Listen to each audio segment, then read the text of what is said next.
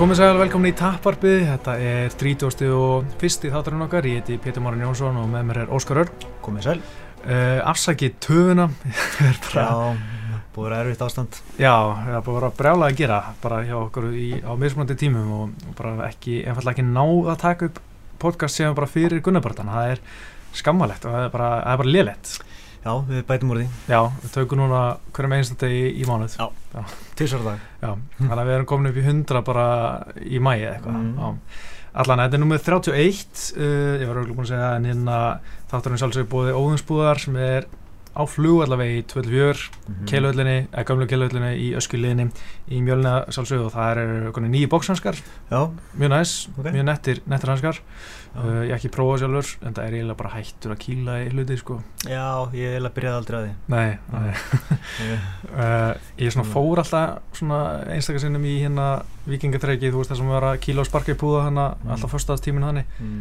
en mér finnst eiginlega bara miklu skemmtilega að taka förstaðsglímuna það var svona bara glímt þannig að ég mér lang, mér finnst hitt alveg gaman en, en hitt er ógæslega gaman glíman er skemmtileg sko. og þetta er bara svo geggjuð byrjun á helginni að mm. bara já. glíma og vera bara ekki svolítið búin á því mm -hmm. fara svo bara já, góður inn helgina já. en já, e, það er þetta ansið mikið búið að gera síðan tókum við upp síðast Gunni vann Alan Djuban, Sunna vann mm. Malari Martin, svo var hann alltaf auðvitað 210 síðust helgi og við ætlum að tala um allt þetta en áður en byrjum þessu, þá langar mér að opna umræðina um eitt, okay. eitt málefni sem enginn er að tala um Ok, þegar þú ert að patta pítsu þá vilja þér álegg.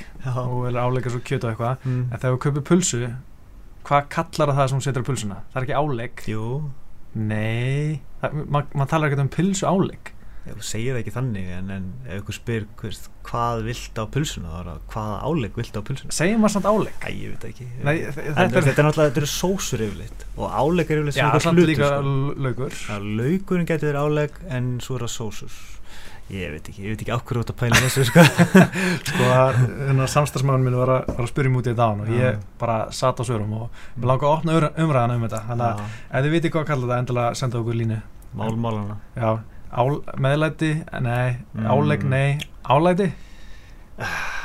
Þetta er álegg, ég, ég held mig álegg sko. Ok, nú, nú um þetta.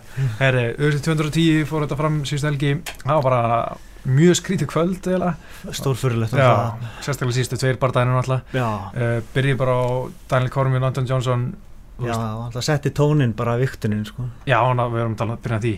Veist, þetta er, er algjört svindl. Það er bara þannig. En hann komst upp með það en, en sem komið er. Já, mér finnst bara, veist, ef, ef, ef hann var ekki stoppaður á staðanum veist, þá bara er hann búin að komast upp með eins og Joey Diaz já, hvað var hann? það er bara basically basically, þú veist, ef þú kemst upp með það þá, þá bara er þetta búið, það er á sent að stoppa það núna Já, en hann, uh, Johnson er að reyna að áfriða sig núna eitthvað hann vil mm. fá 20% af launum Daniel Cormier og eitthvað, ég man ekki það var eitthvað tvent annað sem vildi, eitthvað svona þrent sem hann vildi ég man ekki hvað var, en veist, ef hann var ekki að mótmála þessu fyrir barndagan mm. hann sagði að hann hefði verið alveg sama Já. þá held ég að þetta sé ekki verið að breyta neina Þetta er bara græki og hvað skiptir þetta máli í rauninni? Þetta er 1,2 pund Já, okay, okay. Veist, þetta hefur ekki áhrif á barndagan beilinni sko. Nei, en, en, en hann samt úr, það er á, ástæð fyrir okkur þarft að vera, þú veist já, akkurat, já. skilur, og hann var náttúrulega erfiðan niðursköður og hann hefði fengið tvo tíma í viðbútt þessu vikti sinn, þó hann hefði verið alveg á sko mörgunum UFC tímaramanum já. það hefði Íþróttarsamband í New York með einhver reglu mm -hmm. sem engi vissi af fyrir hann að það er titilbardaði, þá máttu fá auka tvo tíma mm -hmm. og hann hefði örgulega getað náðu þessu 1,2 pund að sér þá ja, en þá hafði hann bara verið ennþá verri daginn eftir mm -hmm. og maður vill ekkert sjá hann drepa sig á því en Nei. þú veist að, að vera að fara í eitthvað kött en, en ég meina 205 pund eða 206,2 pund mjög nægast ekki miklu en ég meina þarf bara að vera á vikt Já, ja, þetta og þetta sko handklaða bræð, ég prófaði þetta saman dag og ég let tvo félagum minna halda handklaða og ég ítti, ég fór niður um sko 1,5 kíló en þetta var mm. ídalega vel niður sko. En þetta, þetta er 100% trikk sem hann var að nota og virkar bara. Mér finnst það bara snillingur sko. Bara Já, vel gert. Þetta er alveg vel gert sko og, og ég mynd heyrði einhver að spyrja því ef Conor McGregor hefur gert það? Hvort allir væri að segja bara því líka snillingur því lík bara snild að gera þetta en Klárlega. að því að Kormir er mjög óvinnsæll þá er allir að drulli yfir hann Mhm. ég hef enga þannig séð skoðan á hann ég hata hann ekkert og en ég er ekkert mesti aðdándans en, en uh, mér finnst bara eiginlega að er hann á vikt en, en, en það sem ég sett mesta spurningamarki við er bara hvað gæin er sem voru að halda hanglaðinu það hlýtur að vera einhver svona gæja frá New York í Já. þróttasambandinu okkur voru þeir, voru þeir ekki spott þetta?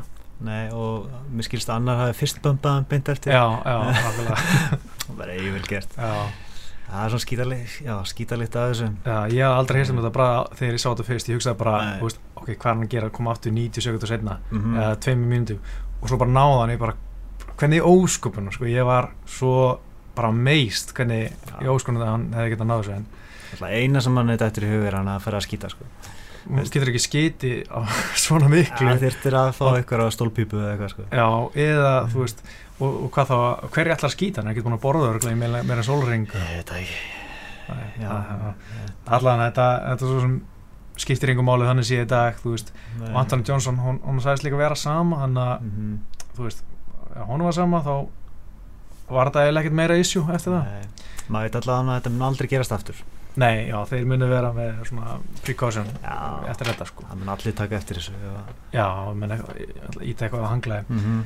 En að barðanum þá hérna ég bara, þegar um leið á Johnson byrjaði að skjóta í felli og er ég hugsa bara hvað Mhm. ert að gera? Já, held að allir hugsa það sama. Þetta, ég bara trúði og ekki. Held áfram og var lengi þú veist bara í klinsi uppi í búrið það Já. hefði alveg getað bakkað. Já, ekkert nákvæmlega mál sko.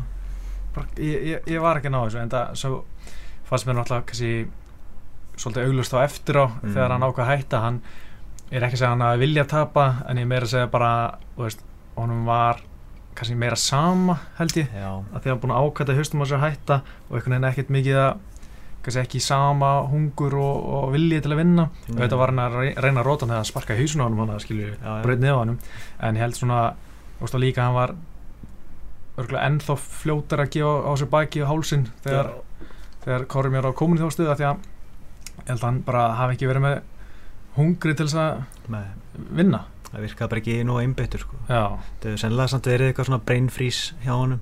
Þú veist, Mm. bara stór stund og allt það sko en, já, en, en já, það virtist vanta eitthvað hungur í hann sko. Ég, já og, og Svo- sást það sem hotni var að segja hann að Já, bara stöðugt hérna hættu, já, pældi hvað er frustrerandi og bara að segja bara og ég man ekki hvað hann sagði Henry Húft hann að why, why does he do it again and again and Já. again En það voru farnir þegar hann var að kalla á það í viðtalinu já. Henry Húft var eitthvað að segja koma ykkur afsökun eða skýring, skýring á því sem ég reynda að sá ekki en hann sagðist að vera eitthvað þurft að ná í eitthvað ég veit, ég veit ekki hvað hann að gera en, en, en þú veist og Johnson sagði líka þú veist þeir eru ekki verið yfirgeið sig hann, hann var með enga þú veist eitthvað bla, bla, ekkert að yfir, yfirgefa sig þessar stundu, stundu en það var mjög hálf andrarlegt sko svona eftir á þegar maður tók eftir hann var hættur eftir hann var búin að segja að hann var hættur hvað hann var að reyna að ná í, í þjálfana sína inn í búri það var svolítið skrítið. Þetta var allt mjög skrítið eða bara.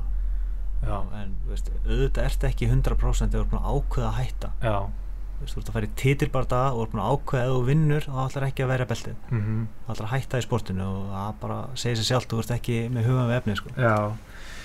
og líka, ég, ég myndi alveg skilja pyrreikin hjá þjálfurinn sem er búin að eyða skilja einhverjum mörgum klukkutímum Mhm. ég undirbúin fyrir eitthvað gameplan svo bara fylgir hann ekki gameplaninu, heldur Já. bara fyrir gera eitthvað allt annað Já, frustrerandi sko. Já, og mér varst líka smá pyrrandi hann, sko æ, það er svo sem erfitt skilju en, en ég hefði viljað fá einhvern svona pressa hans á hann af hverju var hann að fara í velli eða hvað varst að hugsa skilju Mhm. en það er náttúrulega að það er erfitt bara á okkur svona augnablik og að vera eitthvað dykk sko Já. en ég held að sé kannski meiri bara staðar og stund veist, hann á orðlega eftir að vera grillaðar eða svona spurður að þessu svona Það sagðist bara ekki vita það sjálfur rauninni. já, e, já, já, Þannig að það kannski geta að útskýra það neitt sko. nei.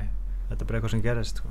Það var hann eftir einhver yfirhandarhægri hjá Kormér, sko, Kormér vildi meina að hann hefði farið í panik við það og þess vegna farið í rætunar sínar sem er að fara að resla mér finnst það ekkert ósennilegur en hvað annað sko. Nei, nei, Það getur líka verið bara að hann vildi ekki taka neinhögga því að hann var að fara að hætta að berast já, nákvæmlega, það getur líka verið bara ástæða? Og hvað hva heldur hann sé að vera að gera? Ég, er bara ekki hugmynd um það. Já, Hann talar um að það sé mikill peningur í því. Hva, Hvaða bakgrunn er hann með? Hvaða mentun er hann með? pff, ég veit það ekki.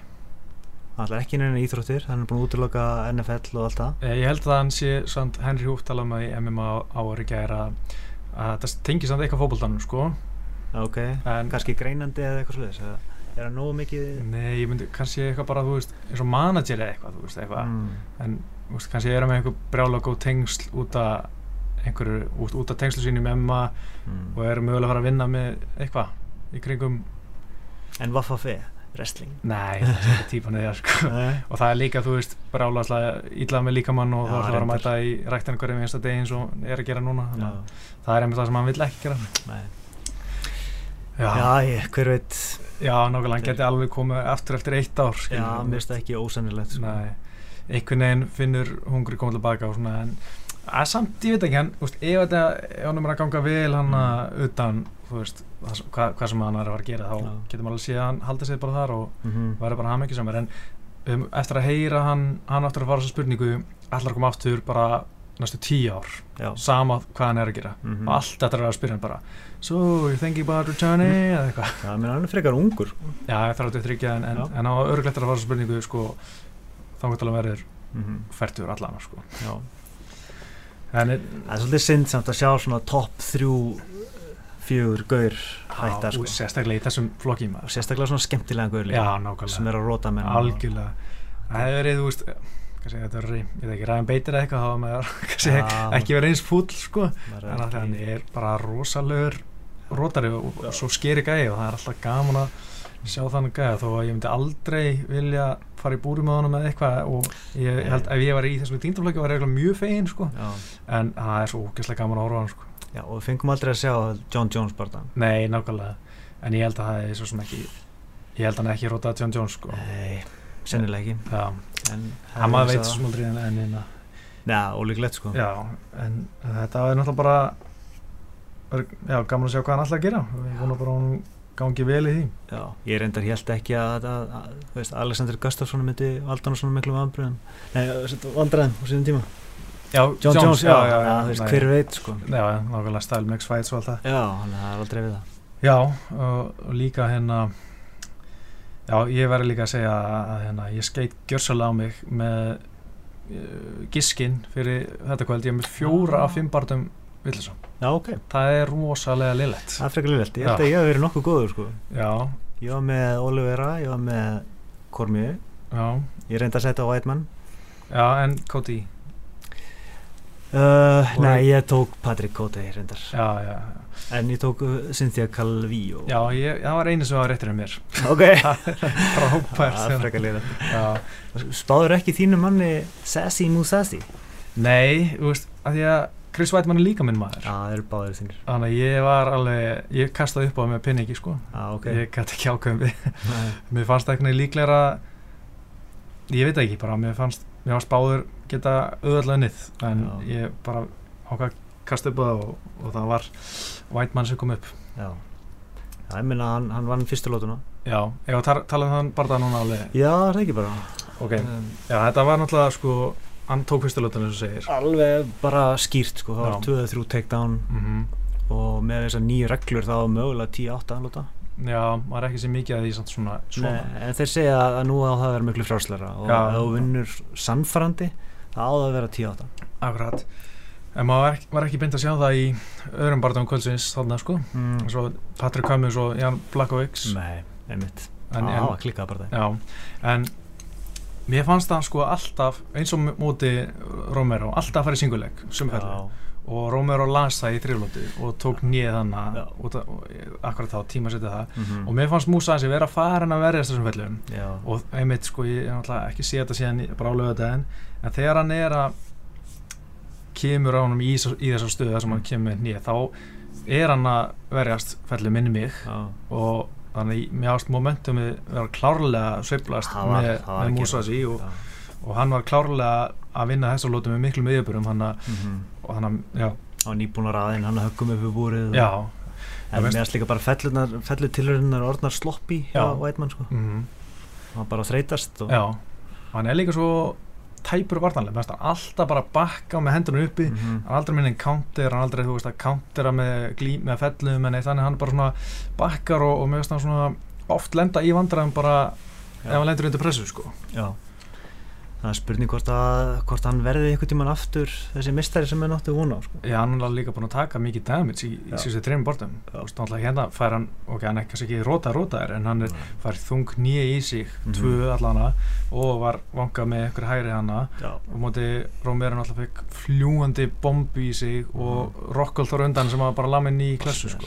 Hún er lamin í hverjum barndag Já það er ríkala slemt sko. það því er stuttur fyrir sko. já, og svo er hann alltaf oft mittur þú veist, búin að vera að þurfa að bakka út um mörgum barndagum og svona, maður er farin að hafa smá ágjur af mínu manni sko. og bara horfið blákallt á það veist, Gaurðin sem hann vann það voru þessar gömlu hetjur sem voru á niðurleið, brassarnir. Og alltaf þegar hann fór í þessar topp 5 Gaurðir sem voru ungir og, og sterkir og góðir, kannski ekki stað ungir endar hérna eins og Romero og svona, en það tapar hann Já, já, það er bara þannig eins og, eins og staðin er nú Hver er besti guðurinn sem hann er unnið? Líðum að síta þegar hann var á en þú veist náttúrulega Andrós Sil var bestur í heimi á þessum veit, tíma að, Þetta var svona tímapunkturinn sem hann fór Já, en þetta, sko. já, þetta er svona eins og hann var náttúrulega tapat á trúslætum þetta var bara svona bjánuleg barndæg og allt það sko. mm. en hérna en hann það er samt eiginlega bestu síðan hans en, en mér varst eiginlega besta framvist hann sem móti lítum að síta og þannig var lítum að síta alveg, hann var ennþá dröldu góður mm -hmm. þá var hann alveg orðin 35 ára gammallega eitthvað þá, þá og þá mér varst hann bara taka hann mjög vel bara klára hann ekki samt? Nei en þú veist, hann vann hans standardi ah, ja, ja. Bara, og það, það var svona svo framvist að sem seldi mig. Eða, hvað sem var, svona samfærið um að um að hann væri eitthvað eitthva meira en einhver wrestler bara. Já en þetta atvík ok, þegar, oh. þegar ég hugsa um þetta núna ég veit ekki hvernig þetta hefði átt að fara öðru sig úr því sem komið var að því að hann gerir hlýja á þessu hann, hann dómari. Að því að hann svarar spurningum á þennan hátt. Mm -hmm. segist, eða í rauninni svarar vittlust hvaða dagur er Já, hvaða og, mánuður, hvað mánuður er. Þá bara, þú veist, það er ekki hægt að lega manni að halda áfram þannig sko. og náttúrulega þegar dómarinn stýur inn í hana. Maður skilur alveg okkar að hann gera það. Er, höndin er mjög nálat gólunni og hann er jafnvel með hérna fingurgóman á gólunni en samkvæmt Herb Dean hérna, ég var hlusta hann í Luke Thomas og þá mm. er það ekki nóg. Þú vart að vera með, þú veist náttúrulega lóan eða, eða handabæki það sem þeir horfa á er hvort þú setja, setja þunga í höndina ekki. Já ok, þetta er svo loðið. Nákvæmlega, það er mjög erfitt að meta þetta. Já, og þú getur ekki séð neitt nema bara í endursýningur. Já, akkurat, og það má ekki skoða endursýningur það er að mynda fáralega við New York maður skilur ekki af hverju má ekki horfa endursyninguna í, í New York já þetta er bara, það er allt við þetta alveg, alveg fáránlegt sko. og náttúrulega bara þessi regla almennt e, veist, á bara að vera nýja í gólu líkjandi maður já, já. E, ein hendi, tvær hendur þetta er, þetta er bæði jafnlóði sko. og þetta er líka hættulegt eins og Kjell Sonnenbend mm. að vera að eitthvað hugsa um þessa reglu veist, að vera í staðan fyrir að vera bara að verja þig já. að vera eitthvað að reyna að setja hundra niður. Og, og ég tapar á höggið. Já, veist, þó að sé ekki svo ólulegt þá var samt mjög hættilegt að vera að leika hennar leik. Já, og bara, veist, og vist að nýður á leiðinu veist, reyndu bara að halda hundunum niður sko, ég held ég getið ekki sko. Nei, það var bara mjög, mjög stressandi sko. og hitt, og hitt svona að kippa manninum upp þannig að hendur svona fara aðeins frá og taka svo nýð það er briljant já, briljant, þá getur alltaf bara gert það. En ég skil ekki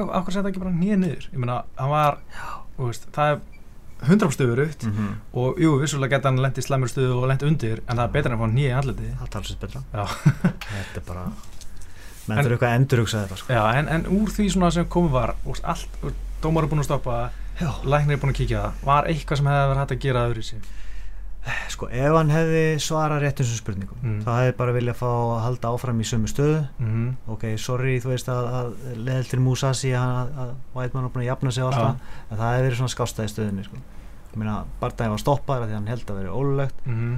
og þú veist, það er ekki Whiteman að kenna að Bardagi var stoppar á þennig tíumbúti kannski gata hann haldið áfram mhm. en ef hann virkar ekki í lægi Já. getur bara ekki að left mannunum fara að berjast, sko. Þrjára myndur til þess að jafna sig já. og er ennþá ekki búin að jafna sig og, og veit ekki hvað mánuður er eða eitthvað og, þá, hann sagði auðvitað eftir að ég hef oft verið í verið aðstöðum bla bla mm. en auðvitað segir fætir það alltaf skilur og, marka, sko. nei, og og ef þú veist ekki hvað mánuður er þá það getur verið að halda áfram eitthvað að berjast sko. En kannski önnur spurningu, áttu þetta að vera no contest? Veist? Já, ég, sko hann að áfriða þessu ég veit ekki hverju hann að áfriða að því að sko Dan Muruglu þetta, ég á alltaf er með að byrja Dan Muruglu þetta. Hérna hann fyrr útrbúrunu og spyr John McCarthy, það má, hann má það alveg. Mm. en, en hann má ekki horfa endursyninguna og hann má ekki tala um eitthvað sem er búin að horfa endursyninguna, held ég. Sem að John var búin að gera. Ég held ekki, ekki. hördi með minnir hann að vera að tala um það, ég var að hlusta þetta bara á hann að, að, hérna, að þetta má, hefur alltaf mátt að, að spyrja annan dómara Já. sem hefur jafnvel séð þetta betur. Mm. og hann fær þá að vita að þetta hafi verið löglegt sem skiptir hérna ekki máli hvort hann hafa ofta Jú, það, það er kannski spurningi hvort hann hafa hort á endursýninguna mm. eða ekki hann John McCarthy sko. en ég veit ekki hvort það skiptir einhverju hann hlýtur að sér það er varpað upp á stóran skjár já, nákvæmlega, þetta er skjár út um allt já, sko. sem er hann að horta eitthvað niður Nei, ég veit þetta er náttúrulega bara algjört byll sko. já, e, og heldur hann að þetta verið breytt? mér finnst mér finnst það neðan alveg ágættis case í rauninni sko. því að þeir brutu reglu já, já. Og Meina, það er regla, það er ástæði fyrir það regla vantala mm. og hann basically tapaði út af mistökum dómara. En kannski var hann á leðin að tapa en þú veist við vitum það ekki. Þannig að mér finnst alveg, alveg eitthvað til í þessu sko. en ok, segjum þannig að uh, hann hefði ekki spurt John, John McCarthy og hann hefði bara allar tíma haldið að þetta væri ólulegt og dómarinn eða læknirinn hefði komið inn mm. Sagt hann er ekki færið með að keppa það væri þá vantilega no contest já. Á, ok, ég get alveg séð keisi keisi þar, en, en bara svona sögulega sé er, er íþróttarsambundin mjög sjaldan að breyta sinni niðurstöðu það er ég... mjög óanilegt aðdeg sko. en jú, vissulega er mjög erfitt að snúa við ákverðin sko. þannig að ég er ekki bjart fyrir hans hönd sko, en finnst, finnst hann eiga, eiga case sko.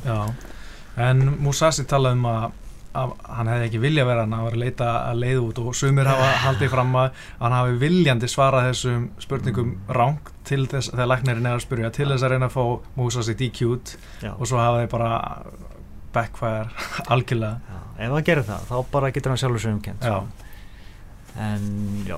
Ég á erð með að trúa að fætir gerir það þessar stundu. Já. en þú veist eins og Musa sem var að segja þú veist hann var hann þrautur, hann var mm -hmm. vildi leið út og hérna Já, ég held samt að hann ekki verið að leita leið út ég held að hann hef bara verið að spila á reglurnar. Já. Þannig að þú heldur að hann hafa að vita að, Já, ég held að hann hafa bara vita þú veist, já, tvær hendur á gólfi En heldur hann að við vita að það hefur verið april og lögðar, en ekki februar eins og það sagði. Nei, ég veist um að hann hefur svarað vittlust viljandir Já, já. Hvað veist þér? Já, ég uh, get alveg, sko, ég, langar ekki trúa það en, en, en að mér fannst hann ekkert vera svo vonkaður Þú veist álega þegar ég horfaði á þetta fyrst sko. Það er ekki dýrst að maður sjáu það eitthvað sko. Nei, nei, svo sem ekki. Það var ekki á spagettiljópanum alveg, þú veist bara, hann virtist alveg geta staðið í leppanum alltaf. Kanski var hann með heilaristing og Já, veist, ég veit ekki. Æ, ég ekki, nei, þetta, þetta er algjörð bullimur, ég held að hann hafi ekkert verið það Maður er ekki læknir sko. Ég, Nei, nei, maður á að gera algjörða álíktanir ekki, ekki hafa, hafa þetta eftir mér, ég tekið til tilbaka En hérna Þetta er líka mjög leiðilegt fyrir Musa Asi Úst, hann alltaf er ekkert að fara að vinna þessi, ef hann ef hann hefði unnið eðla þá þetta verið gert örgulega mikið fyrir hann og hans fyrir en núna er það bara svona mm. mm það sigur samt ekki ég reyndar ekki alveg viss hvort ég er sammálaður sko. mér finnst umræðan verið þannig að Musashi hafi allir sammálum að Musashi hafi verið á leiðin að vinna mm. þannig að menn gefa hann svolítið kredit fyrir að vera eiginlega betri en, en Chris Weidman sko. Já, mér finnst það að vera bara 50-50 sko, já. þú veist það var náttúrulega momentum að vara söfla í hans átt já. en það allt getur gerst í þrjulótu skilur en, Já, ég veit það, en minnst flesti vera á því að Musashi hefði unnið já, þetta hefði alltaf áfram mm. og svona hálfpartin verið að gefa hann um kredit þannig mér finnst hann eiginlega að koma út úr sem bara sterkar en að fóra inn sko. Já, mér finnst hann ekki ég myndi ekki segja eitthvað, hann hefði getið að vera að koma náttúrulega miklu betur út sko, mm -hmm. ef þetta hefði verið, eða bara klínsigur en mér veist þetta samt alltaf vera svona að svona spurningum er ekki vita og, já, og, og, og það er það alltaf. og hann alltaf mikið tekið niður í fyrstu lótu og skítapað þeirri lótu og svona, mér veist það svona þetta er ekki eins auðvitað flott eins og hann hefði bara unnið skilju fyrir einn skver Við þurfum alltaf bara að sjá rímet sko. Ég veit að þetta var líka geggjað barndagi Mjög skemmtilegur sko. Ótrúlega bara mjög gaman að lýsa hann bara geggjað að fylgjast með og og já, ég er bara virkilega gaman að þessu og ég finnst það ókeðslega leðilegt aðal út af því. Já, en nú tapaði Musasi illa fyrir Susa Shakari Já. Þannig að þú ert að horfa á þess að topp þrjá veist, hvað finnst þér að vera?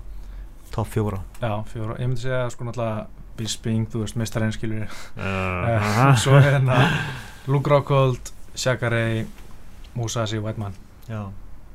Var ég búin að segja Romero? Romero, nei, ég myndi segja Romero. Ég glemdi Romero, ok. Rockhold, Romero, Chagare Musashi Whiteman. Já Einmitt. Þetta er náttúrulega bara svo leiðileg Já, æ voru ekki búin að tala um þetta en bara þetta er svo leiðilegt að þurfa að býða eftir einhverjum George St. Pierre barndag sem úst, verður í september eða eitthvað eða úst, vonandi reyndar í júli það verður rosalega fínt að þetta verður í júli bara drífið af en það er ekki eins og búin að setja dagsinningu á þetta og, og ennþá er Jólur Romero að býða mm -hmm. Sjekari þarf að býða líka ef hann vinnur Robert Whittaker um helgina. Uh, Luke Rockhold skilur skilur ekki máli hvernig hann vinnur hann mun þurfa að býða líka. Mm -hmm. og Gegard Mousasi þarf alltaf að býða skilja það er svona tvö ár þá til að Musa sér fara til bara ef hann heldur að hann vinna. Já, þetta er fyrir eitthvað erfitt sko. Já, þetta er bara ósangett gafast öllum sko. En það er Luke Rockhold fann að tala um interim-belti og, og Susa fann að rífa kjátt sem ég aldrei heyrt hann gera aður sko. Já, það minnst hann óttalega kvarta svolítið sko. Það, ég hef ekki heyrt hann vera svona harð orðan sko.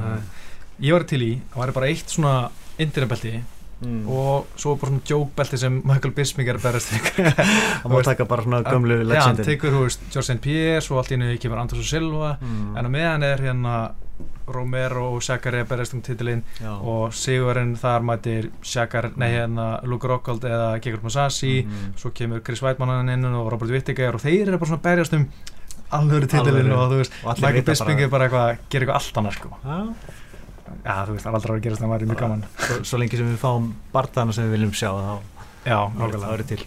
Mm. uh, Eitt með þessar reglur. Mm. Þetta er óþólandi að séu mismundu reglur eftir mismundu fylgjum Já, mjög reglislegt bara, bara fyrsta lagi umöðulegt fyrir dómarana. Mm -hmm. þú eru alltaf að minna sig á þetta. Bara já, það er tvær hendur ekki nýja, er ég hérna í nefata ein hendur nú. -hmm. og, og fyrir barndamannuleika þú eru að vita líka og líka með þetta 10-8 bara byrju var þetta 10-8 lúta eða var þetta 10-9 eftir missundi eftir hvað hann er að berjast og, og líka með viktun hef ég tvo tíma alltaf vikta með aftur eða ég ekki vikta með aftur eða, New York er náttúrulega bara verið er bara með brjálaslega nýja reglur og með sílikonbúð og allt það skiljið það var náttúrulega fáralegt að mér sko. Ótrúlegt. En það er töluð um hann fyrir Chris Weidmann að hann ætti ekki að fá að berjast þar aftur. Já, ég var ekkert spenntur fyrir að berjast í New York eða ég var í USA. Yeah. Bara ekkert spenntur og líka herri skattarar. Já, bara af hverju ættum maður að vilja það. Já. Uh, eitt líka, að því að það er svo mikið, mikið rugglingum með þessa reglur, mm -hmm. að ég treysti eða ekki þeir sem er að lýsa, sko, Joe Rogan og þeim, að því að Joe Rogan alltaf skeita á sig þannig með Tim Means, Alex Oliveira bara þann sín tíma. Time, sko og þannig að þegar hann var að segja að þetta sé löglegt þá er ég bara, nei, ég held að þetta sé ekki löglegt. Yeah. og þegar, og ég, þegar ég er að lýsa þá er ég með hann í eirónu líka sko. Mm. þannig að ég, og hann var að segja þetta var löglegt en ég var bara að segja að þetta var ólöglegt. Ég treysti honum ekki alveg sko. Mm. þannig, sem var líka bara rétt Joe Rogan. Joe Rogan 0, Peter Marno Já, vel gert. Hann er ekki fullkominn. Nei, nákvæmlega, en uh, eitthvað meira sem við þurfum að fara yfir, já Musashi náttúrulega, þetta var síðusti barndan hans á samningunum mm -hmm. ég, ég er ansið hrettur um að Scott Coker bjóða hann um bara eitthvað geggja samning og hann fari. Já, ég er bara svo hrettur um það sko. Ef hann og Susa fari í Bellator. Þá getur bara þessu sko. Það er orðið bara daburt sko. Já, þá eru bara að fá Shades, Northcott og eitthvað þannig kæft að Uff, millivittin er mjög top heavy sko. Algjörlega, Robert Whittaker er einu undir 30 sem er eitthvað promising sko. Já. En þeir vilja báður vera í UFC Já, algjörlega, ég held að Loris Larkin hafi líka viljað og Rory McDonald Já. Money Talks Money Talks, það er bara svo leiðis. Ég menna, ég held að mér finnst eiginlega meirinn líkur að minna að hann fara til Scott Coker því miður ah. í Bellator og það er engin góður í Bellator Í milliveitt? Nei Nei, hver er mestan þér? Var það, það milliveitt til um daginn sem að var Melvin Manoff, neða var það léttunguð? Var það titil? Ég, ég, ég held að það veri titil sko. okay, okay. það voru þrýr titilbardaðir Bellator í þessum mánu Já. það var svona Calvío eða hvað hvað hann heitir. Mann það ekki eins og að vera titilin á móti Melvin Bruno Cavallo það var það kannski ég er að ruggla saman kannski. Okay. það skilur ekki máli. allavega. En það er ekki margir góður í úst, ef það var í veldu þetta lightweight þá var fullt að koma barðum milluveit það er ekki mikið að gerast þar sko. Nei. en uh, eitthvað fleira, jú, Cynthia Cavai og ég var mjög rætt með að setja hún Cal Calvío Calvío, mm. já, Calvío já. hún er bara trullu öðnileg ég er mjög spenntið fyrir að sjá hvað hún gerir. Og líka hún er svo sassy. Já, hún er með skemmtilega kardir mm -hmm. svona smá eins og svona Díaz bróðir bara svona en aðeins penari. I'm not surprised motherfuckers og bara með skemmtilegan stíl sko, góða gólun og ég held sko hún byrja bara aðeins 2012 mm -hmm. og var ekki með neitt bakgrunn úr öðrum íþrótum aður og svo var ekki með wrestling neitt, hún bara, bara fljóta ná þessu. Já. tók sem fyrsta aðtunum bara í ágústu fyrra mm -hmm. og mhm. núna 5-0 það er bara búin að vera mjög virk. Já, nokkuð dugleg bara. Já, það er spennand að fylgjast með henni. Alltaf voru fullt af meiri já, góðum barndum þetta kvöld sérstaklega kannski áhugavert með Charles Oliveira, hvernig hann fór með Will Brooks sem fyrirhandi mistarni í Bellator það kom mér svo mikið orð sko. ég held að ok, ég held að ef Oliveira myndi vinna er það fyrstulótu mm. en að taka niður og bara svona fljótt bara alltaf yfir hann ég eiginlega misti svolítið mikið á þessum barnda því að það var svo mikið hljóðverðsni hjá mér ja. að ég var svo mikið að fyrst í því að ég var mjög lítið að horfa barndan mm -hmm. svo allt í nýja vorum bara búin að taka niður já, hann stóða þessu upp og náða hann aftur niður stökkan ekki á bæki standardi ah, ég maður þannig ekki. Nei, okay. en hann var alltaf að kristja hann að þú veist reyningisjók og Vil Brúks grótarra en að standa það sér en bara var ekki hægt. Já, hann hekk svona á bækinu en svona, hann hallaði sér yfir. Já. hann alltaf er bara geggjaður submission artist. Og svo vill hann fara í aftur niður í fjæðurveitt ég skil það ekki. það er svo mikið bara ó, ég hristi svo mikið haus, mikið haus en ég sá það. Er bara svona Kelvin dæmi sko. já, nákvæmlega, bara af hverju já, ég, hann, líka, hann líka svo stór, veist, hann var miklu stærri eða hávaksnari en Brooks hávaksn og grannur já, og virkaði sterkari sko. já, sko hann reyndar það sem eina sem gæti sé ákveð hann vilji fara er að hann er komið nýtt lið. Sko held að hann hafi verið með eitthvað algjör amatúra með sér síðast. Hann, hann var á mm. McDonalds tveimu dögum fyrir vittunum síðast. Ah, okay, þegar hann var sko tíu pundum yfir. Hann var þingri núna. Mm. nei hann var lettari núna þegar hann var actually í lightweight heldur en hann var í fjæðarveitinu að berjast síðast. Já, okay. hann var 152 pund á fyrsta daginn, fyrir en hann var 155 þegar hann var að berjast í fjæðarveitinu síðast. ótrúlega en hann klikkaði þrísvara vikt. Fjórusunum og einu sinu var hann veikur úst daginn fyrir eitthvað það er ekki séns ef ég auðvitað að ég myndi leipa hann aftur í nefnum að myndi vikta sinn 145 pund mm. í letþetta barndagum þá er bara svona, mm. ok, hann getur þetta alveg en það er ekki séns að ég myndi leiða hann að fara neyri í fjárvikt það er bara engin ástæði að vera svona góður í letvikt segja það. Hann er mjög draumum heldur að hann getur að mista þar. Já, bara, sorry, þú bara klúðraði þessu. Skeist að þið Patrik Coté hann hætti. Já, það er bara bara flottu fyrir vel tímasett sko. já, hann er náttúrulega með eitthvað jobb hann í USA Kanada þar sem hann er að lýsa á, á frönsku og hérna bara já hann fullta, og hann fór vist uh, vel með peningarna sína hann, hann er bara velstæður flott já, já. þetta er svona akkurat sem maður vil sjá. Þetta er bara rétt að leiðin sko. og hvað, 37 ára og bara góðan stað. Akkurat. Svo lagum við að tala um Kamaru Úsmann já. Hann alltaf dominita Sjón Strikland fannst þess að hann hefði alveg gett að klára þetta? Já, hann er kannski eitthvað já, og svo eftir bara hann, sko eftir, eftir sin síðasta sigur þá vildi hann hérna fá Demi Maia en hérna uh, auglíslega ekki fá það. Uh, núna vildi hann fá sko Neil Magni en tala líka um að hann hefði viljað fá hérna Dongjan Kim áður en hann mm. var bókuður gegn hennar Kolby Covington.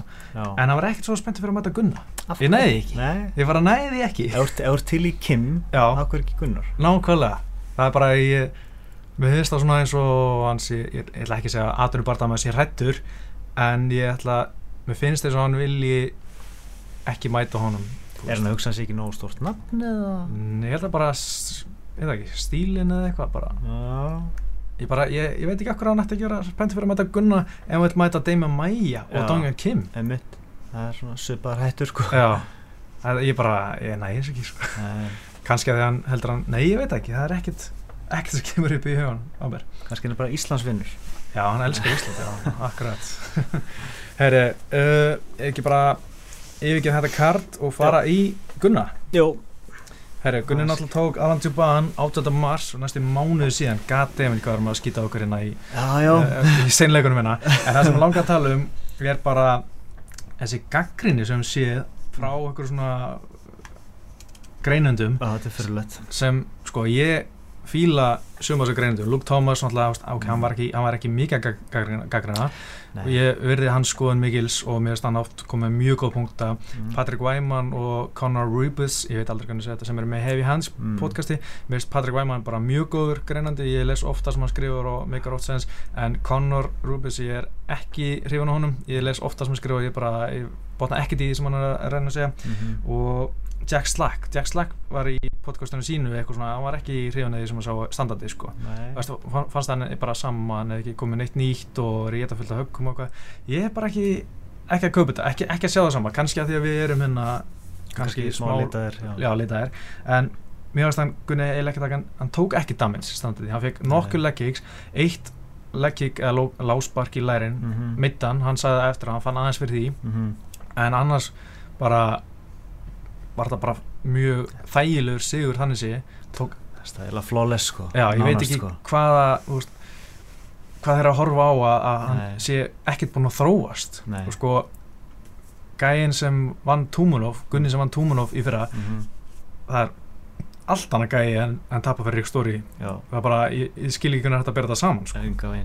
og, og ég man sko fyrir þann bara það var til dæmis Patrick Wyman mm -hmm. og Conor Rubers þeir teipið báðir á hérna Albert Tumanov mm -hmm. hann myndi vinna Gunna Já. og manna an, annarkur þeirra sagði að, að hérna, Tumanov væri með akkurat kryptoníti fyrir Gunnar standardi mm. en Gunni pakka hann saman standardi Já. hvernig getur þú sagt að hann hafði ekki þróast, þróast mm -hmm. ef hann var ekki með stílin ef þetta var kryptoníti og svo var kryptoníti ekki á neina á ég ekki setja skilur það virka óa neikvæðir sko. Ég, ég er ekki náð þessu og þú veist auðvitað er að með sína veikleika, hann, hann sekkar ekki lásbörg mm -hmm. og gerir stundum lítið sem getur uh, skila hann því að hann getur tapað lótum mm -hmm. sem maður alltaf hrættu við. En það var ekkert, það er engin ára þennan bara Nei, mér finnst það að vera að færa sér mikið undan. Vist, ég er búin að hafa bara þrissara fjórusunni núna. Já. það var eiginlega ekkert fast svona uh, fótspark sem hann var að taka Nei, ég, ég, ég man eftir einu tveimur spörkum af sjö. Já, já. einmitt, það voru svona, svona pot með löpunum og hann, hann Gunni virst alltaf að sjá það á leið koma mm. og einhver meginn að, að minga áhrifin með því að færa sér hans frá eða einhver meginn og ég held að þetta ekki skipt miklu máli fyrir hann, ég held að hann ekki fundið mikið fyrir þessu á þess að geta sagt til um það. En og já, svo náttúrulega, þú veist slæra hann hann niður og, og allt það, svona hann var búin að róta hann sko, strækjarinn sko. Nákvæmlega, og aftur er hann að taka þú veist. Ég skil ekki hvernig þetta segja hans ekki múin að þróast. Nei.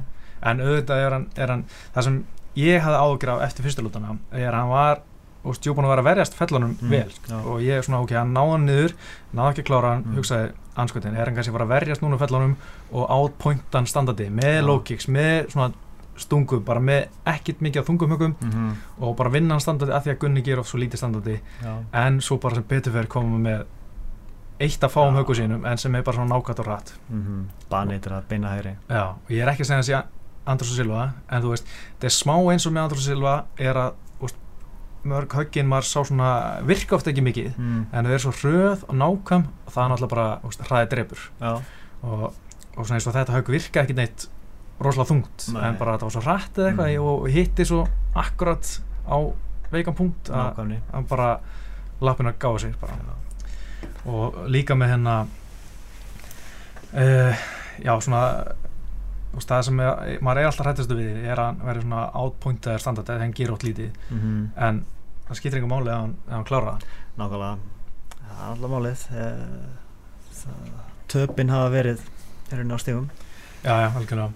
Og þú veist, ég held að við sem aldrei var að sjá annað Damian Maia tap en Nei, við sjáum kannski annað Rick, sko. Rick Story tap. Já. það er svona það sem maður heldur að geta gerst. Sko. hann á ekki teiktuninu og er svona áttstrækar standardi. Aðalega bara svona að nær kannski sínum þungum högum mm -hmm. gunni, en hinn bara næður miklu fleiri högum og þannig er þetta í sumu fylgjum skora mm. en núna í nýreglunum er það þingri högin skora frekar en fleiri og, og frekar svo sem sýttill það er ekki endla að vera svo sem er að stjórna miðinu, það er ekki eins mikilvægt eins og í mhm. gamlu reglunum Það þurfti eiginlega að mæta öðrum wrestler til að svona Já, testa þetta, algjörlega. það er mótli í gaur. Já, maður, maður vil sjá það en það er ekkert svo margir wrestler eftir í þetta var svo wrestling heavy Nákvæmlega sko, þetta er búin að breytast mikið sko. Já, en sko úst, Colby Compton hann er svona akkurat svona wrestler, wrestler. Já, ekki, þú veist, ekki rangaður ekkert svona það er ekkert svona merkilegt við hann en það var gaman að sjá það bara svona ef hann klýfur upp hann, hann, hann, hann Kolby, Kolby, Kolby Dónjá Kim þetta er grappler en ekki svona wrestler wrestler. Mm -hmm. uh, svo er hann alltaf með hennar ég held að Kim sé nú að fara að taka Kolby sko.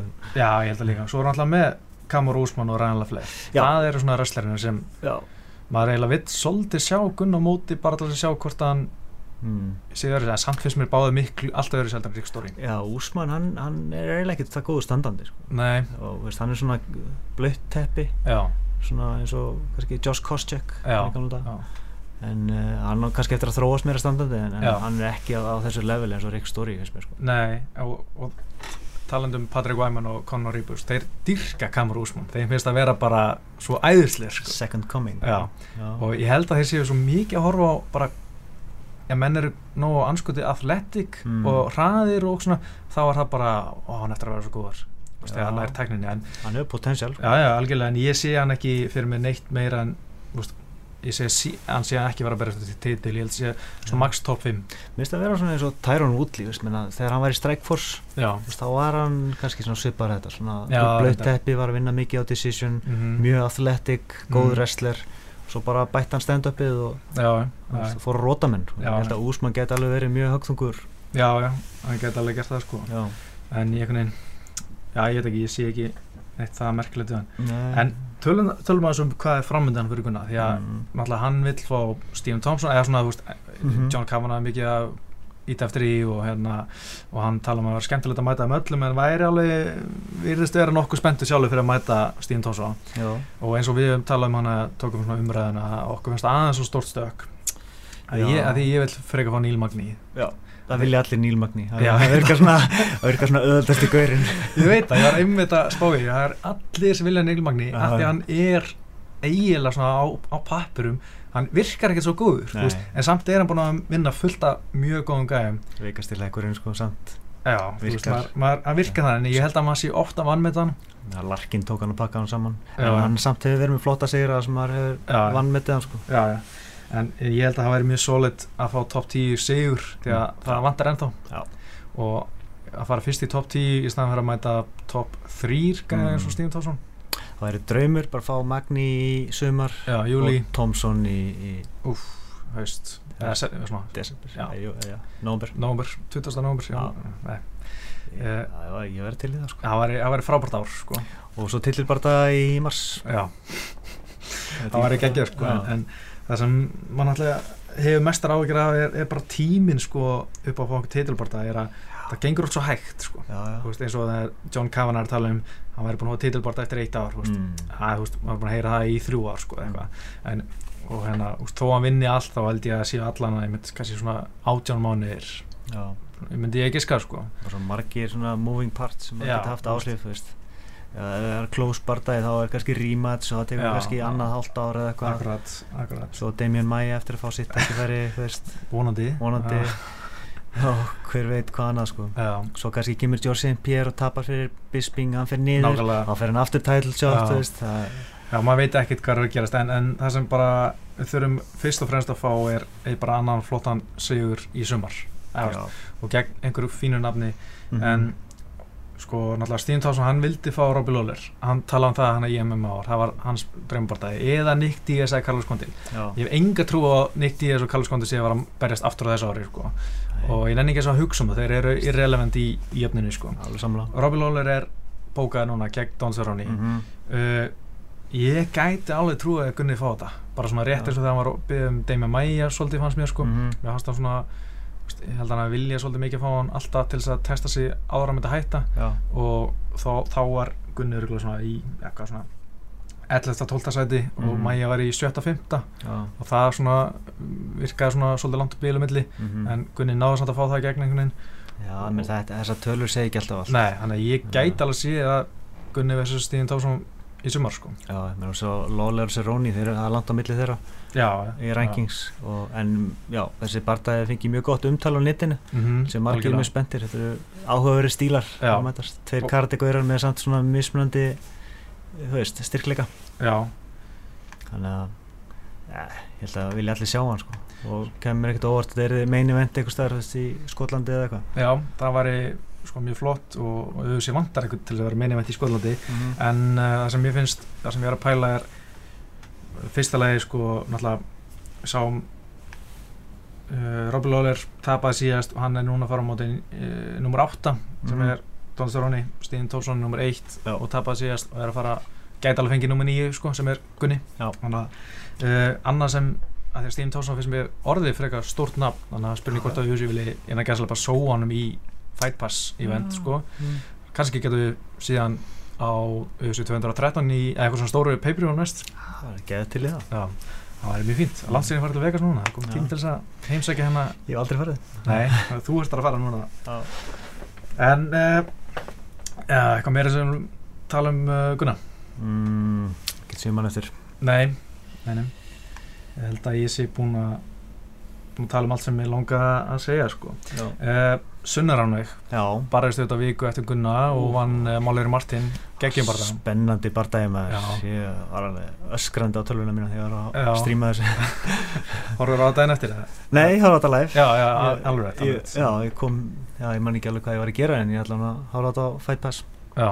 Og bara, hún alltaf var bara eins og Terminator þessi, þessi Máleiri Martin sko. hún var grátörs bara át öll högginn, held áfram bara að koma og bara, já að vera mjög jafnbardagi mm -hmm.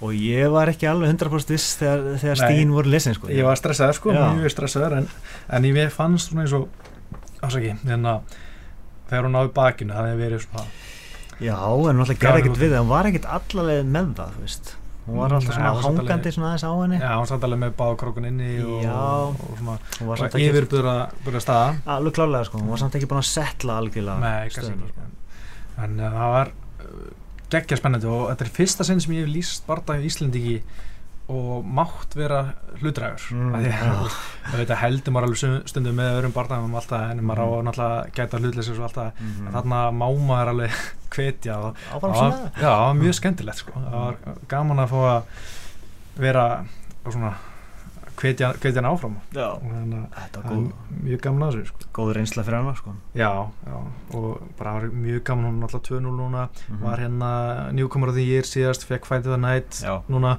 gæti alveg verið að fá verið að fara hrætt upp sko já, ég minna að þú ert að vinna kannski sem fjóra barda í einn vikta eða eitthvað mm.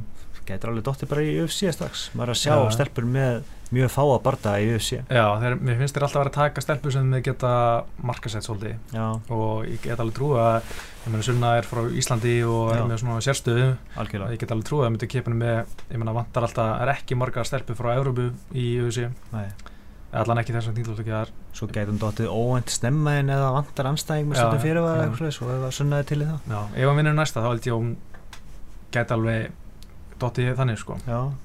það var ég náttúrulega ekki að sjá það sko. Vonandi, uh, vonandi bara ekki þú veist, ykkur sem er ofhátt upp. Já, nákvæmlega, það var svolítið mjög reitt náttúrulega. Og ég menn hún það bara að halda áfram að, gera þetta. Hún þarf að bæta sig kannski aðeins að bæta, bæta sig standátti fyrir sem við erum mm. svolítið taka ef við erum ofinn fyrir höggum. Já.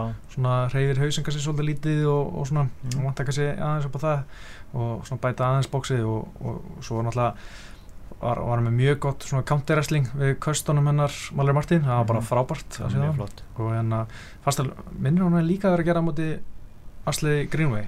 Að hérna hún var að countera svona takedown tilurinnir hjá henni?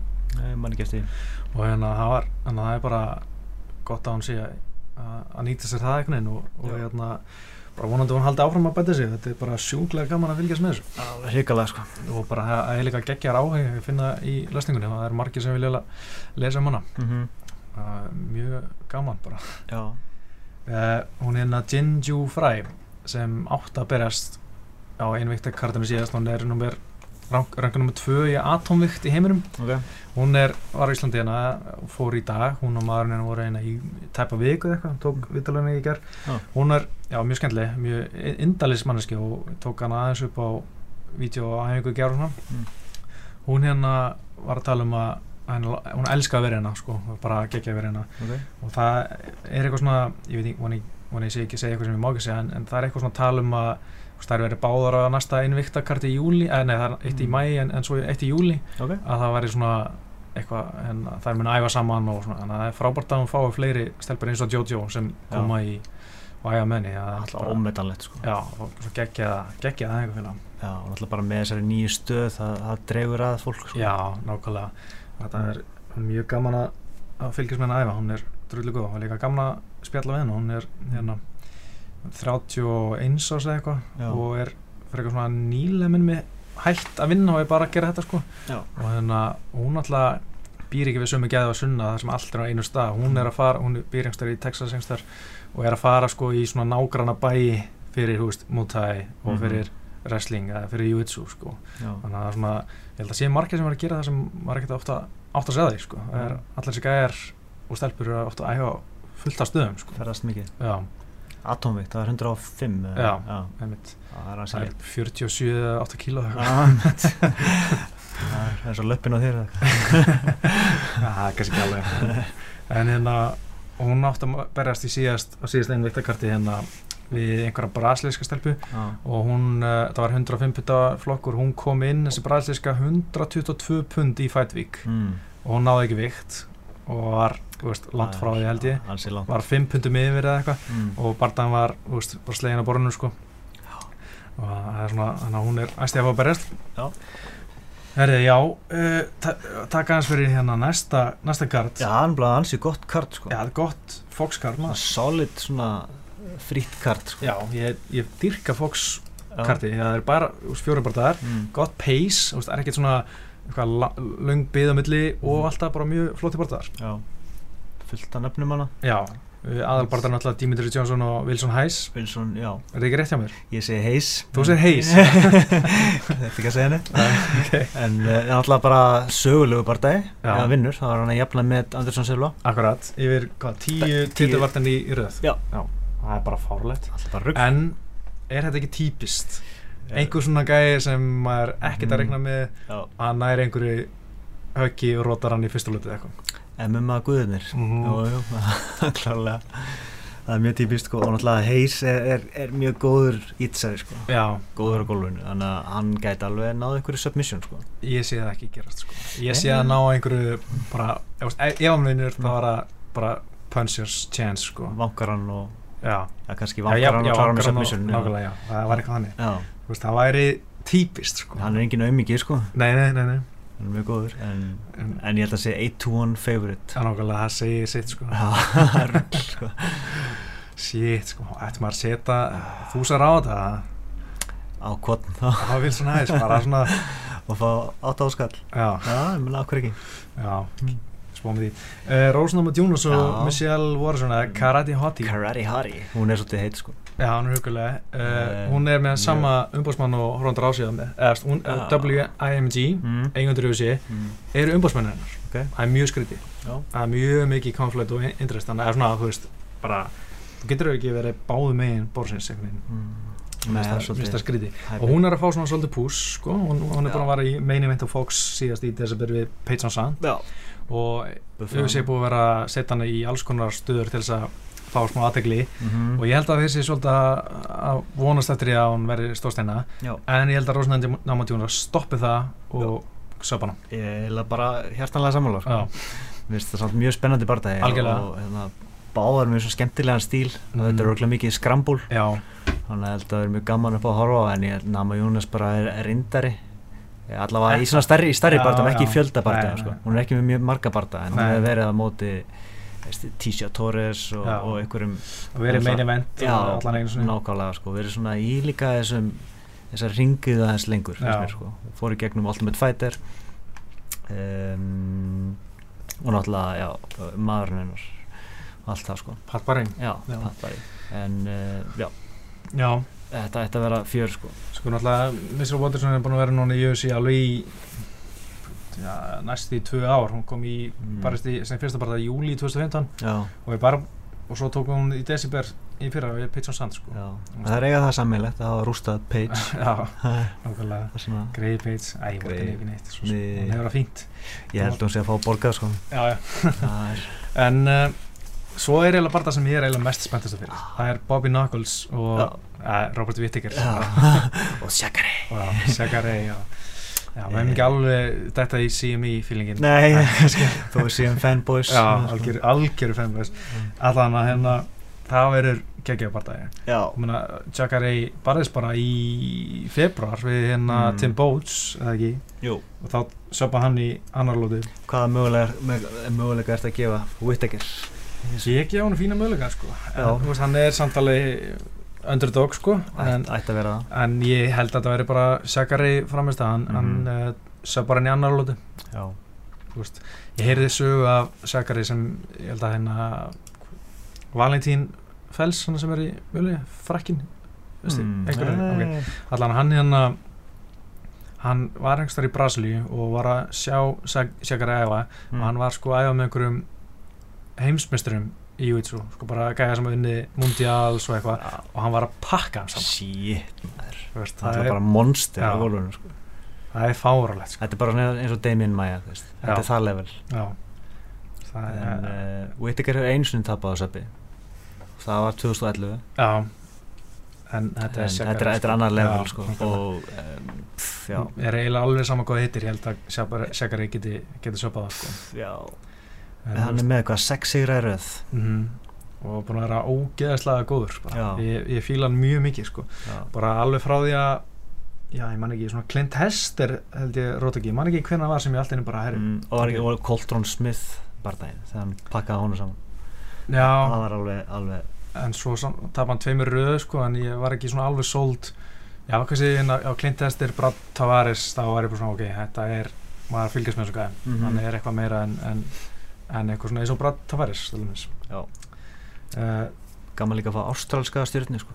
Já, já. Ekki margir það sko. Nei, það er bara Mark Hunt og hérna mm. núna það er svo Dan Kelly. Já, einmitt. Hann er að vera svona óvænt svona, svona deadbot Dan Kelly.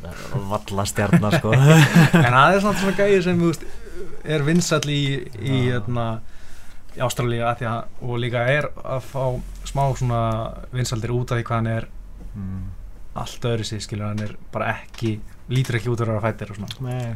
svona, hann er svona vinsall á reddit sko, svona, mm. er að fá smá en svo er bara það sem ég skil ekki alveg er Jeremy Stevens og Renato Moicano. Það er, nei, ég, ég var að fletta honum upp, hann er ósegraður, búin að vinna til tvo UFC og eh, kannski er þetta gaur sem þið sjá fyrir sér sem svona einhver framtíðar gaur sko. og verður að láta hann fá nafn til þess að byggja hann upp. Já, getur verið. Já, það bara vantaði, vantaði eitthvað, eitthvað næstæðing fyrir Stevens mm -hmm. og hver veit menna Já. og svo er náttúrulega fyrirhandi Bellator þungaugtamistarinn Alexander Volkov. Og Roy Nelson, Roy Nelson. Já, það er enda, maður ekkert þurft í Roy Nelson lengi. Nei. hvaða landsið hann bara veist þetta getur orðið alveg skemmtilega bara það og svo náttúrulega líka hérna, Bobby Green sem ég hef nú alltaf gaman að. Já. Á móti hérna Magomedov já, það er enda mjög góð bara það er drullu góð bara það Tom Dukona á móti Patrick Williams það er eitt mesta prospektið í í dag hann er ekki með Wikipedia síður nei, nei, en hann, er, hann er, var bandhættamestari og fjæðvættamestari einhvern tíman í Cage Warriors. Ég veit ekkert hvert það er sko. Og þetta er geggjegæði, hann er Æguri Jacksons okay. frakki 24 gammal mm. eitthvað slúðis, eitthvað ungur uh, bara mjög flottu barndamær og ég mæli með að fylgjast með honum. Hvað þetta er djúft kvöld, veist, svo er Tim, Tim Elliot Já, ja. komin og, aftur yfir sín alltaf og Lúi Smolka sem verður hörkubardagi allt sem er Sterling og Ágústa Mendes. Það er barndag sem er stáður því að Ágústa Mendes er með gegja búin að vera geggjaður undvari mm -hmm. hann hérna alltaf tapað fyrir hérna Cody Garbrandt sín tíma en, og er náttúrulega bara geggja Júitsu gæði sko, hann er heldur heimsmyndstari í Júitsu engt sko.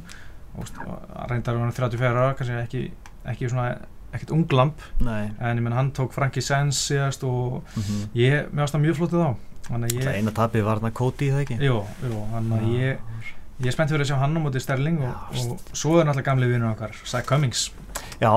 Hann er bara í öðrum barndag kvöldsins Já, það er bara vissla Já, þetta er, mm. þetta er samt svona típist Zach Cummings Svona journeyman Já, þú veist, hann tapaði einu barndag eitthvað það var bara komin öðrum barndag kvöldsins sko. Já, þetta er svolítið ósangjart Já sko búin að vera lengi skiljið, þú veist Já. 25 barndar, vannrenda síðast hann í Belfast sko, mm. en hann já, náði ekki vikt, þannig að þetta er ekki smá refsing og tapaði fyrir Ponsi Nibbjó sem er djöðli góður Já, sko. mér stann dröðli góður sko. hann er svolítið, gæti verið svolítið dark horse hérna, í þessum þingdálagi sko. Ég hlakka til að sjá hann næst Svo er líka Anthony Smith á maður drónum, háaksinn, tattúveraður mjög skemmtilegur sko. Man ekki þetta drónum ekki að kveikja sko. hann er hérna karakter sko. Okay. og góður góður sko. Hérna eina tapið er hérna César Ferreira. Undarfarið eh, já, ég er ekki að koma á hann fyrir mér sko. En þú veist alveg potið hverð er sko. Já, ok. En, en uh, Já, við erum allar múin að fara vel yfir þetta. Já. og þetta er gott kvöld sko, ég mælu með að tjekka á flestinu barðanum mm -hmm. en við erum örglega eftir að fara yfir þetta. Já, ég kannast við hann sko en ég man ekki að sé barðað með hann sko. Okay. allana, já. Þetta er bara ekki eins langt að þessu bjöst við. Við vorum alveg bara nokkuð fljótir að fara yfir það Já, þetta er kannski svolítið já, já fara yfir Bor, ja, allt. kannski þarf ekkert meira að segja um þetta í rauninni. Nei, og þetta, þetta sé búið brjótast um í heilanum á manni eins og þetta Whiteman Musashi dæmi. Já, ja. fáránlegt dæmi sko, sem bara þarf að laga mm. þessar reglur. Já, og vonandi bara að læra þér að því maður hefur ekki trúið að það gerist rætt gerist alveg ótrúlega hægt allt saman red, red tape og allt það sko. og er svo flókið að, að vinna saman og gera svona samíla reglur? Vist, af hverju er það ekki hægt? að sömuríki er ósamlega sömuröglum og þess vegna er þetta svona og þetta er allt samt í rauninni smáadrið já, algjörlega, algjörlega hvað skiptir að málið, hvort þessi einu eða tvær hendur eða nýja mm. eða þú veist geta menn ekki bara sammælst til þess að einfalda og, og veist, fækka svona aðtökum sko. já, algjörlega. Og sem eru jæfnvel hættulega sko. algjörlega, þetta er bara við erum bara preaching the truth brother. Herri, við ætlum að setja gott. Ég heiti Pétur. Ég heiti Óskar. Og við sjáumst aftur eftir ekki svo langa stund. Ekki eins landa síðast. Reynum alltaf páska frí framönda og... eftir, ah. eftir næsta ívent allavega. Gerum okkar besta. Fáum við einhvern gæst kannski? Jafnvel. Herri, við þakkum fyrir okkur. Við erum sæl